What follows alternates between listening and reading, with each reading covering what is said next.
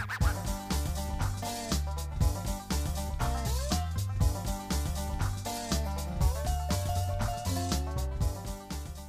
dostlar. Mən Əhmədiyə.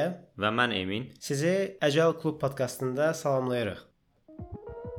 Bugünkü mövzumuz bizim niyə agile işləmirdir və bu gün Eminlə bir neçə mövzuya toxunmaq istəyirik ki, ümumiyyətlə hansı problemlərlə şirkət üzləşir, hansı səbəbdən üzləşirlər və onun qarşısını bəlkə necə almaq olar. Ümumiyyətlə nəyə görə agile prinsipləri bəzi şirkətlərdə ya ümumiyyətlə işləmir və ya bəzi şirkətlərdə özünü doğrulda bilmir, hansısa problemlərlə, əngəllərlə qarşılaşır. Zənnimcə birinci əsas səbəb patron şirkətləri anlayışıdır. Yəni bu anlayış elə bir şeydir ki, bir çox ölkələrdə mövcuddur. Şirkət hansısa bir konkret bəlli şəxs tərəfindən, şirkətin rəhbəri və sahibi olan şəxs tərəfindən idarə olunur. Hansı ki, o şəxs özü hər şeyin doğrusunu, ən yaxşısını bildiyini düşünür, işçiləri özü idarə etməyi sevir, bütün işlərə birbaşa özü rəhbərlik eləməyi sevir, özü əmr verməyi sevir və Müəllimlik eləməyi sevir də. Hə, bir növ müəllimlik eləməyi sevir. Ona görə də və ə- əslən ən əsası da budur ki, özü hər şeyin ən yaxşısını bildiyini düşünür. Hə, belə halda təbii ki, agile prinsipləri bununla tam ziddiyyət təşkil eləyir və buna görə də agile-in orada işləməməsi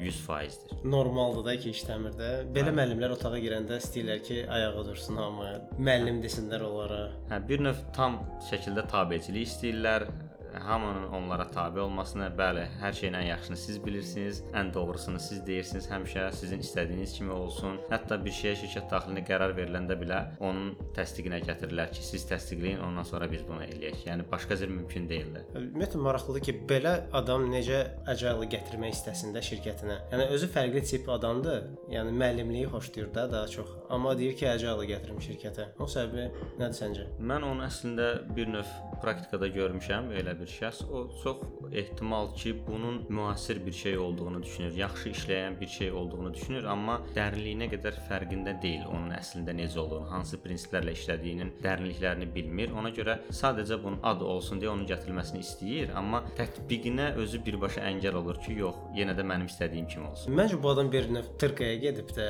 görüb ki, başqa şirkətlər var, nə bilim qlobalda bir nümunələr var ki, agile tətbiq eləyiblər və yaxşı nəticə verib də o. O istəyir öz müəllimliyinə onu gətirsin, amma bilmir ki, agile-la bir tərəfi də var da. Sən əgər agile-ın dəyərini almaq istəyirsənsə, bu tərəfdən biraz, yəni başqa cürə idarə etməyə getməlisən. Təbii ki, əgər agile keçirsə, hətta şirkət əvvəldə istənilən bir şəkildə idarə olunmuş ola bilər. Əgər bu yola keçməyə qərar verilibsə, bir növ o şah Padşah özü hakimiyyətdən imtina elədiyi kimi, burada da patron olan şəxs bir qədər hakimiyyətdən çəkilir, bir qədər menecer idarə sisteminə keçir. Yavaş-yavaş artıq agile doğru yol almağa başlayır. Yəni özü bir növ öz hakim özəlliklərini ötürməyə başlayır, başlayır və ya başlamalıdır ki, bu prinsiplər işləsin. Yəni başqa cür olmur. İkinci və ən böyük baş ağrısı yaradan nüanslardan biri, səbəblərdən biri demək olar, köhnə sistemə öyrəşmiş kadrlardır. Hansı ki, biz bunu demək olar ki, bir çox əksər strukturlarda görə bilirik və təəssüf ki, bir çox dövlət qurumlarında da bu hal mövcuddur və hələ də davam eləyir. Köhnə sistemə öyrəşmiş kadrlar adətən yeni strukturu, yeni quruluşu, yeni idarəçilik sistemini qəbul edə bilmirlər. Buna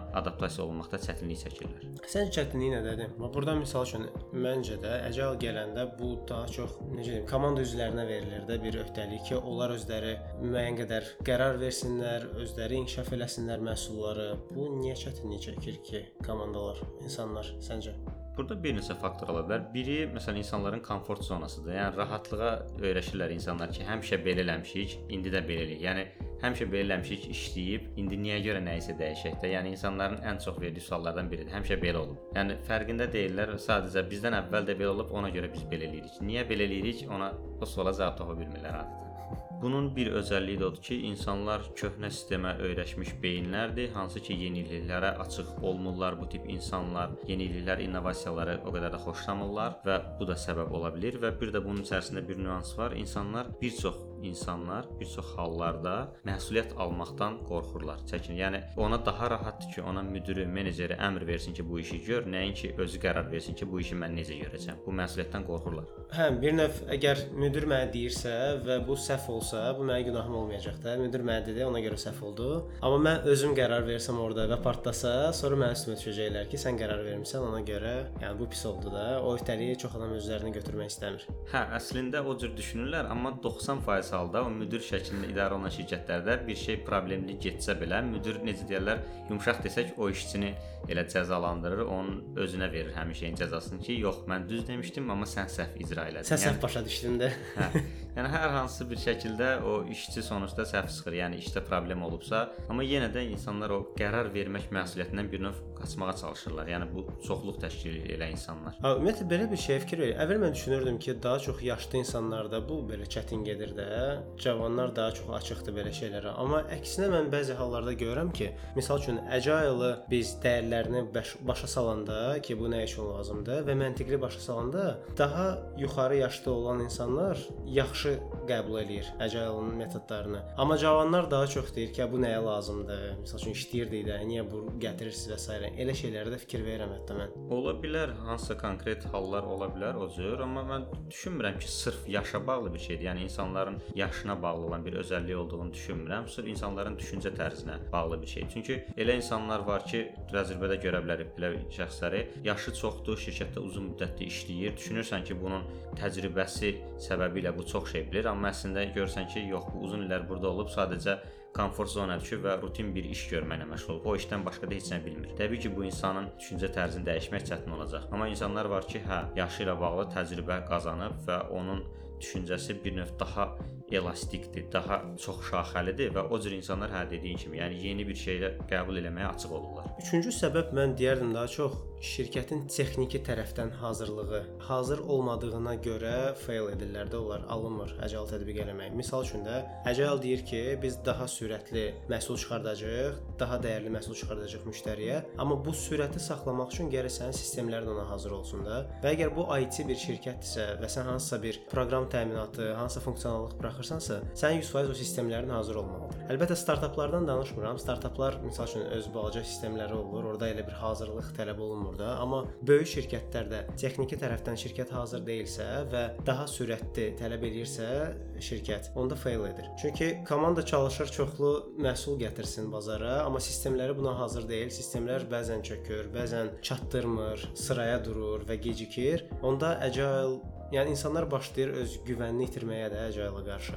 Olur, şirkətin daha doğrusu sistemlərinə əlavə mən bir dənə də bunu əlavə eləyim ki, şirkətin özünə bürokratik əngəllər yaranır. Bir çox hallarda görsən ki, nəsə tez həll olunmalı bir şeydir, amma sırf bürokratiya səbəbi ilə uzanır həll olunması. Bu agile-də prinsiplərinə tam ziddir. Agile tam sürətli olmalıdır. Bəlli bir zaman daxilində, sprint daxilində bu iş həll olunmalıdır, amma görürsən ki, kimlərinsə təsdiqindən keçməsi üçün adi bir şey bir neçə şəxsin təsdiqinə gedir və burada yubanma yaranır. Yəni hansısa bir xırda qərarın verilməsinə görə çox vaxt itirilir ortada. Bu köhnədən qalma adət-ənənələrdir də. Yəni şirkətdə sən birdən agile gətirib deyə bilmərsən ki, bundan sonra qayda belə olacaq da. Bütün agile-ın prinsipləri, dəyərləri hamısı bunlardır. Hamısı sürət tələb eləyir və birdən götür şirkətin qaydalarını dəyiş. Yəni başa düşüləndir ki, bir müddətdən sonra o dəyişəcək də. Sadəcə insanlar qəbul etməlidir ki, biz ona doğru getməliyik etməliyik. Biz hazır olmalıyıq ki, ora gedək. Amma o texniki tərəfdən mən ona görə deyirəm ki, çünki sən məhsulu bazara çıxarda bilmirsənsə, istərsəmiz demotivasiya olursan da. Çünki gəlirsən deyirsən ki, ya komandada biz belə eləyəcəyik, elə eləyəcəyik, başlayırsınız işləməyə. İşləyəndə sonra çıxartmaq üçün məhsulu deyirsiniz ki, okey də, bəs mən axı texniki olaraq buna hazır deyiləm. Çıxarda bilmədiyinə görə demotivasiya olursan, həvəsdən düşürsən. Sonra texniki problem həll olunsa da müəyyən qədər artıq belə bir həvəsin yoxdur daha çox məhsul çıxartmağa da. Yəni o tərəfdən biraz güclü təsir eləyir məncə komandalara. Hətta mən deyim, o heç böyük şirkətlərin yox, o kiçik şirkətlərin, startapların da ola biləcək bir problemdir. Yəni gördüyüm haldır ki, xırda bir şeyə görə işdə yubanma olur. Yəni işə bir nəfər işçi götürülüb, developerdir. Yəni şirkət özü də böyük bir şirkət deyil ki, deyəsən bürokratik əngəl var, amma bu adama kompüterin verilməsi üçün 2 həftəyə yaxın vaxt gedir. Yazırlar məsəl üçün ampardan kompüter gəlməlidir, nəsə səhv gəlir, nəsə problem olur və 2 həftə iş uzanır. Yəni startap şirkəti, kiçik bir şirkətdir, amma onun belə bu cür problemi olur. Deməli ki, bu sistemi əvvəlcədən düzgün işlək hala gətirmək lazımdır. Necə deyirlər, altyapı olmalıdır ki, onun üzərində sən agile qura biləsən. Agile işləməməsi üçün digər bir səbəb insanlara agile dəyərlərinin doğru aşılanmamasıdır. İnsanlara bir çox hallarda bunun nə olduğu, nəyə görə belə olduğu düzgün çatdırılmır və insanlar da onun lazımsız olduğu düşüncəsinə gəlirlər. Yəni fikirləşir ki, bu nəyimizə lazımdır? Məsələn, götürək adi agile Scrum eventlərini. Bəzi insanlar düşünür ki, bu eventlər nəyə lazımdır? Daily stand-up nəyə görə lazımdır və ya retrospektiv nə üçün lazımdır? Bunların düzgün şəkildə izah olunması lazımdır ki, işçilərə onlar ondan maksimum fayda götürə bilsinlər. Bunu bir növ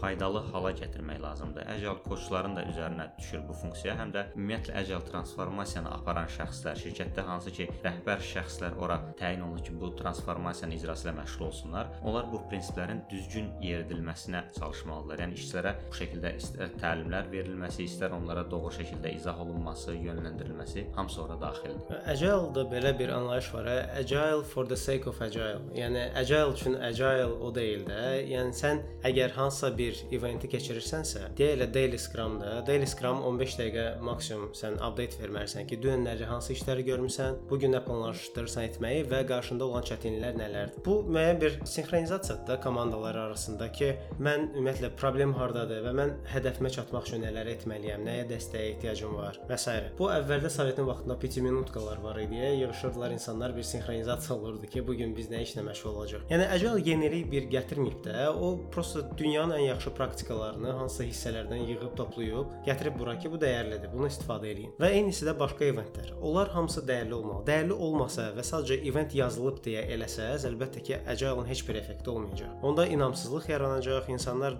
fikirləşəcək ki, bu nəyə lazımdır? Ümumiyyətlə boş vaxt itiririk, görüşlərdir, mənasızdır və s. və s. Yəni çalışmalıyıq ki, daha çox dəyəri olsun. Dəyəri yoxdursa, deyək ki, okey, gəlin, bu hədəfi budur. Bu event bu səbəbdən keçirilməlidir. İstəyirsiniz başqa bir format fikirləşin, o formatdan gedək. Yəni biraz komandaya o tərəfdən boşluq vermək lazımdır ki, onlar özləri qərar verə bilsinlər. Hə, Həsən sözə qüvvət bayaq dediyin kimi Agile əslində mövcud olan bir şeyləri sadəcə sistem halına gətirib. Yəni bu eventlər, bu görüşlər əvvəldə də var idi. Sadəcə onları bir sistem halına gətirib ki, belə olsun. Və bir şey də var. Bu eventləri, bu Agile-ın seremoniyalarını vaxtaşırı icra elədikdən sonra bir müddət sonra bu sistem halına ki gəlir, artıq işçilərdə o vərdiş formalaşır. Hansı ki onlar özləri avtomatik onun dəyərlərini icra eləmək. Yəni səhər onlar daily stand-updır deyə yox, sadəcə sinxronizasiya üçün bir araya gəlirlər və lazım məlumat mübadiləsini eləyirlər. Artıq onlara daily-nin vaxtını xatırlatmağa, bu eventi keçirməyə belə ehtiyac qalmır. O bir növ agile mentalitet formalaşır. Sadəcə bunu əvvəldən fasilitasiyası doğru getməlidir. İnsanlara düzgün şəkildə izah olunmalı və onun dəyərləri düzgün şəkildə çatdırılmalıdır. Bəzi adamlar olur, ümumiyyətlə dəyərləri də başa salırsan, deyir yox, yox, sonra onun mənasızdır da. Bu görüşə eləməyin bir heç bir mənası yoxdur. Elə insanlarla adətən belə deyirəm ki, gəl bir yoxlayaq, bir-iki sprint görək nə olur da, 2 həftə, 3 həftə yoxlayaq. Ondan sonra alınmasa, xoşuna gəlməsə, ləğv eləyərik. Yəni nə problem? Gəl yoxlayaq da. Bəlkə yaxşı oldu. Bəlkə indiki nəticədən nə bilim 500% daha yux yüksək nəticə göstərdin. Ha belə onları gətirirəm yavaş-yavaş bura. İstər-istəməz 1-2 sprint onu yoxlayandan sonra özləri dəyərini görürlər də. Görəndən sonra da onu eləməmək istəyi olmur. Yəni istəyirlər əksinə ki, eləsinlər və daha çoxlu dəyəri olsun orada. Hə, onun dəyərini anlayandan sonra təbii ki, o oturuşur insanda bir növ vərdişə çevrilir və dəyərini anlayır tam şəkildə. Bir də əvvəllər belə deyək də, indiki kimi insanların ünsiyyət metodları çox deyildi. Yəni istəyir sosial şəbəkələr olsun, sürətli mesajlaşma xidmətləri olsun, video zəng xidmətləri olsun. Bu qədər geniş deyildi və ona görə komandanın bir araya gəlib fiziki olaraq bir məkanda toplaşıb sinxronizasiya eləməsi daha önəmli idi. İndi o qədər yüksək səviyyəli xidmətlər çıxıb ki, artıq komanda fiziki olaraq bir araya gəlmədən də məlumat mübadiləsi eləyə bilir. Ona görə bəzi insanlar onun yəni bir növ yoxluğunu hiss eləməyə bilirlər. Yəni məsəl üçün bütün günü sosial şəbəkədə və ya WhatsApp-da və ya hansısa mesajlaşma yolu ilə bir-birinə məlumat ötürən komandalar deyilinin dəyərini maksimum səviyyədə hiss eləməyə bilərlər. Amma ümumilikdə onların elədiyi yenə də həmin şeydir. Onlar həmin məlumat mübadiləsini eləyirlər. Sadəcə günün əvvəlində başlanğıcda eləmək bu ona görə lazımdır ki, gün ərzində artıq komanda nə eləyəcəyini bilir, kim kimlə nə asılılığı olacağını bilir və hansısa əgər problem varsa, gün ərzində onun həll olunması üzərində işləyəcəklərini bilirlər. 5-ci səbəb niyə agile işləmir? Bu ümumiyyətlə agile həmişə uyğun ola bilməz də şirkətə. Elə bir hallar var ki, elə bir məhsullar da var ki, orada agile olması ümumiyyətlə düzgün deyil. Məsəl üçün götürək tikinti. Tikintidə siz agile necə edə bilərsiniz? Binanı təsəvvür edin ki, 20 mərtəbəli bina tikməlisiniz. 5-ci mərtəbədə dediniz ki, ay yox, bu belə strukturda yox, başqa strukturda olmalıdır. Onu fundamentindən söküb təzədən tikə bilmərsiniz də. Həmin hissədə siz gərək waterfall-la gedəsiniz. Hansı ki, agile-ın əksidir də. Siz əvvəlcədən planlayırsınız, detallı göstərirsiniz ki, mən bunu etmək istəyirəm. Detallı plandan sonra başlayırsınız icraya və artıq deyirsiniz ki, 20 mərtəbəli bina tikməliyəm. Tikirsiniz və bitirirsiniz. Burada agile-lıq bir şey yoxdur da. Yəni onu siz necə çalışsanız da agile-a basa bilmərsiniz. Amma bəzi şirkətlər onu basa bilir. Basır nə mənada? Yəni salır şirkətinə, deyir ki, mən agile olacağam, amma agile ola bilmir və fail olanda deyir ki, agile işləmir. Əksinə sənin şirkətin ona uyğun deyil daha çox waterfall-la getməlidir deyə ona görə işləmir. Olur belə. Bəzi sektorlarda var ki, ümumiyyətlə onları hansısa metodologiya tam olaraq yerləşdirmək mümkün deyil. Bu halda adaptasiya lazım gəlir. Yəni hansısa metodologiyanın bu şirkətin sisteminə adaptasiya edilməsi. Və mən özüm maraqlanıb araşdırdığım qədərlə bir çox şirkətlər bunu eləyirlər və çox uğurlu şəkildə eləyə bilirlər əgər düzgün şəkildə tətbiq olunarsa. Məsəl üçün bir şirkət texnologiya şirkətidir. Şirkət məhsullarının hazırlanmasında software hissəsində tam olaraq Agile, Scrum metodologiyalarından istifadə eləyir. Hardware hissəsində isə daha çox hibrid şəkildə metodologiyalardan istifadə edir. Yəni burada müxtəlif metodologiyaların qarışığını istifadə edir. Orda Kanban da ola bilər, Agile da ola bilər və ya Waterfall metodologiyası da ola bilər. Çünki orada bu şəkildə olması lazım gəlir. Bəzi məsələlər var ki, onların bir-birindən asılılığı var və hansı ki bu Agile-a yerləşmir. Orada artıq ardıcıl şəkildə işlərin icra olunması lazımdır Waterfall şəklində. Yəni bir tapşırıq yerinə yetirildikdən sonra o birisini başlamaq mümkün olur. Bu halda artıq adaptiv şəkildə icra olunur işlər və bu düzgün şəkildə tətbiq olunduqda e, hibrid metodologiya daha çox effektiv ola bilər. Şirkətə görə dəyişir bu təbii ki. Hə, misal üçün elə əvvəlki nümunədə o binanın tikməsi məsələsində də orada agile misal üçün fikirləşsək, agile hansı hissəsində biz tətbiq eləyə bilərik? Misal üçün təsəvvür ki, layihə təqdim edirsiniz kiməsə, layihəni təqdim eləyərkən həmin e, binanın dizaynını təqdim eləyəcəksiniz. O dizaynı hazırlayanda misal üçün agile-la hissəvi şəkildə onu təqdim eləyə bilərsiniz. Ki misal üçün birinci hissəsində həyətini göstərirsiniz, ikinci hissəsində fasadını göstərirsiniz, üçüncü hissəsində strukturu göstərirsiniz və s. də. Yəni sprint based burada eləyə bilərsiniz. Lakin bu mərhələləri bitirəndən sonra siz uru tikintiyə başlayanda orada mütləq ki, siz gərək waterfall-la gedəsiniz ki, o binanı tikə biləsiniz də sona kimi, yoxsa ki, o bina heç vaxt bitməyəcək. Yəni burada artıq hibrid metodologiya gəlir ortaya. Yəni siz ikisindən də istifadə edirsiniz. Ümumiyyətlə belə bir ə, fikir yaranıb ki, bilmirəm, bəzi insanlarda var ki, agile yaxşıdır, waterfall pisdir də. Elə bir əslində düşüncə düz deyil məncə. Çünki yəni waterfallun öz layihələri var ki, onu çox uğurlu şəkildə tətbiq edir və nəticə göstərir. Agile-ın öz hissələri var da. Sadəcə hərəsinin öz hissələri var, ha, öz məhsulları var ki, onlarda onlar tətbiq oluna bilər.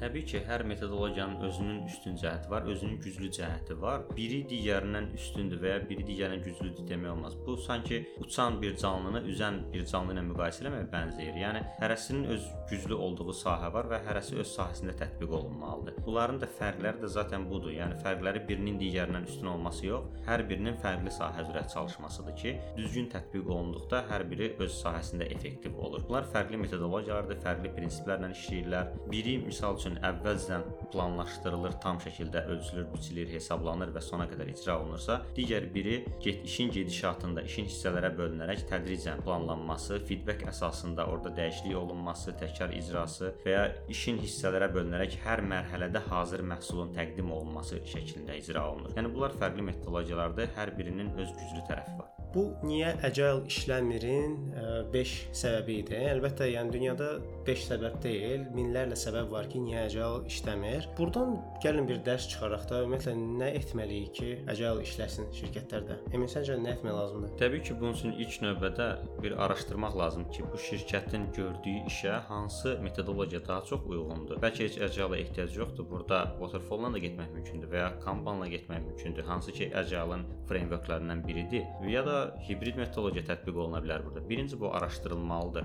Ondan sonra bir növ altyapı hazırlanmalıdır. Yəni bu gətirəcəyimiz metodologiya üçün bizim sistemimiz, hər bir şeyimiz uyğundurmu? İnsan resurslarından tutmuş texniki təchizata qədər hər bir şey burada ölçülüb biçilməlidir ki, şirkət buna uyğundurmu? Bu keçidə bir növ və əgər transformasiyadırsa, şirkətdə dəyişiklik gedirsə, bu düzgün şəkildə aparılmalıdır. Əgər ehtiyac varsa, konsultant şirkət dəvət olunmalıdır, hansı ki, onlar konsultasiya eləməlidirlər. İstər kadr siyasəti, istər şirkət daxili struktur dəyişiklikləri hamısı düzgün şəkildə ölçülüb biçilib aparılmalıdır. Addım-addım bu keçid baş verməlidir və ən əsası şirkət rəhbərliyi özü buna tam şəkildə dəstək olmalıdır. Tam şəkildə özünü buna həsr eləməlidir ki, bu dəyişiklik düzgün şəkildə baş tutsun. Yəni birinci bənddə dediyimiz kimi, əgər şirkət patron şirkətidirsə və o beyin başda olan beyin dəyişmirsə, onda bu çevrilmə, bu transformasiya düzgün getməyəcək. Hə, yəni hansısa eventləri, hansısa görüşləri keçirəcəklər Agile-ın. Bəlkə də müəyyən dərəcədə hiss eləyəcəklər onun fərqində ki, biraz nə dəyişdi bizdə. Agile-ın dəyəri hardasa olacaq. Amma tam transformasiya olması üçün əlbəttə ki, yuxarıdakı olan liderlər də öz düşüncə tərzlərini dəyişməlidirlər ki, o effektini göstərsin. Ümumiyyətlə belə bir şeyə fikir vermişəm ki, bəzi şirkətlər buraxır ki, okey, Agile olsun, görək nə olur da, buraxırlar və bir müddətdən sonra öz güvənini itirirlər. Hə, burada ümumiyyətlə buraxmaq düzgün deyil məncə də. Yəni Agile transformasiya başlayandan gərək o müdiriyyət özü də ora qarışsın. Yəni müəyyən dərəcədə geri bildirimlər versin, müəyyən dərəcədə dəstək olsun komandalara ki, onlar da o səviyyəyə qalxsın və Agile-ın nəticələrini versinlər. Təbii ki, bu keçid üçün, bu transformasiya üçün bütün şirkət miqyasında həm yaxın, həm uzaq miqyaslı hədəflər olmalı şirkətin. Yəni yaxın vadeli və ya uzun müddət üçün olan hədəflər olmalıdır, müəyyənləşdirilməlidir. Yəni sən keçid eləyirsənsə Agile-a, yaxın müddətdə çox yüksək nəticələr, yüksək gözləntilər qoymursan. Yaxın müddətdə kiçik dəyişikliklər görəcəksən və ola bilsin ki, çox yüksək nəticələr olmayacaq, amma artıq uzun müddət hədəflərdə bunu nəzərə alırsan ki, dəyişiklik tədricən olacaq, uzun müddətli hədəflərə bu səviyyəni tədricən yüksəltməklə çatacaqsan. Yəni transformasiya tədricən pillə-pillə baş verəcək. Belə dostlar, bu niyə Agile işləmir podkastı idi. Güman edirik ki, sizə faydalı və maraqlı oldu. Agile mövzuda hər hansı bir sualınız ə, və yaxud maraqlandığınız bir mövzu olarsa, mütləq bizim e-mailimiza, təsvirdə olan e-maila yazın və biz ola bilər ki, həmin mövzuda bir podkast yazaq və suallarınıza cavab verək. Sağ olun dostlar. Növbəti podkastlarda görüşənədək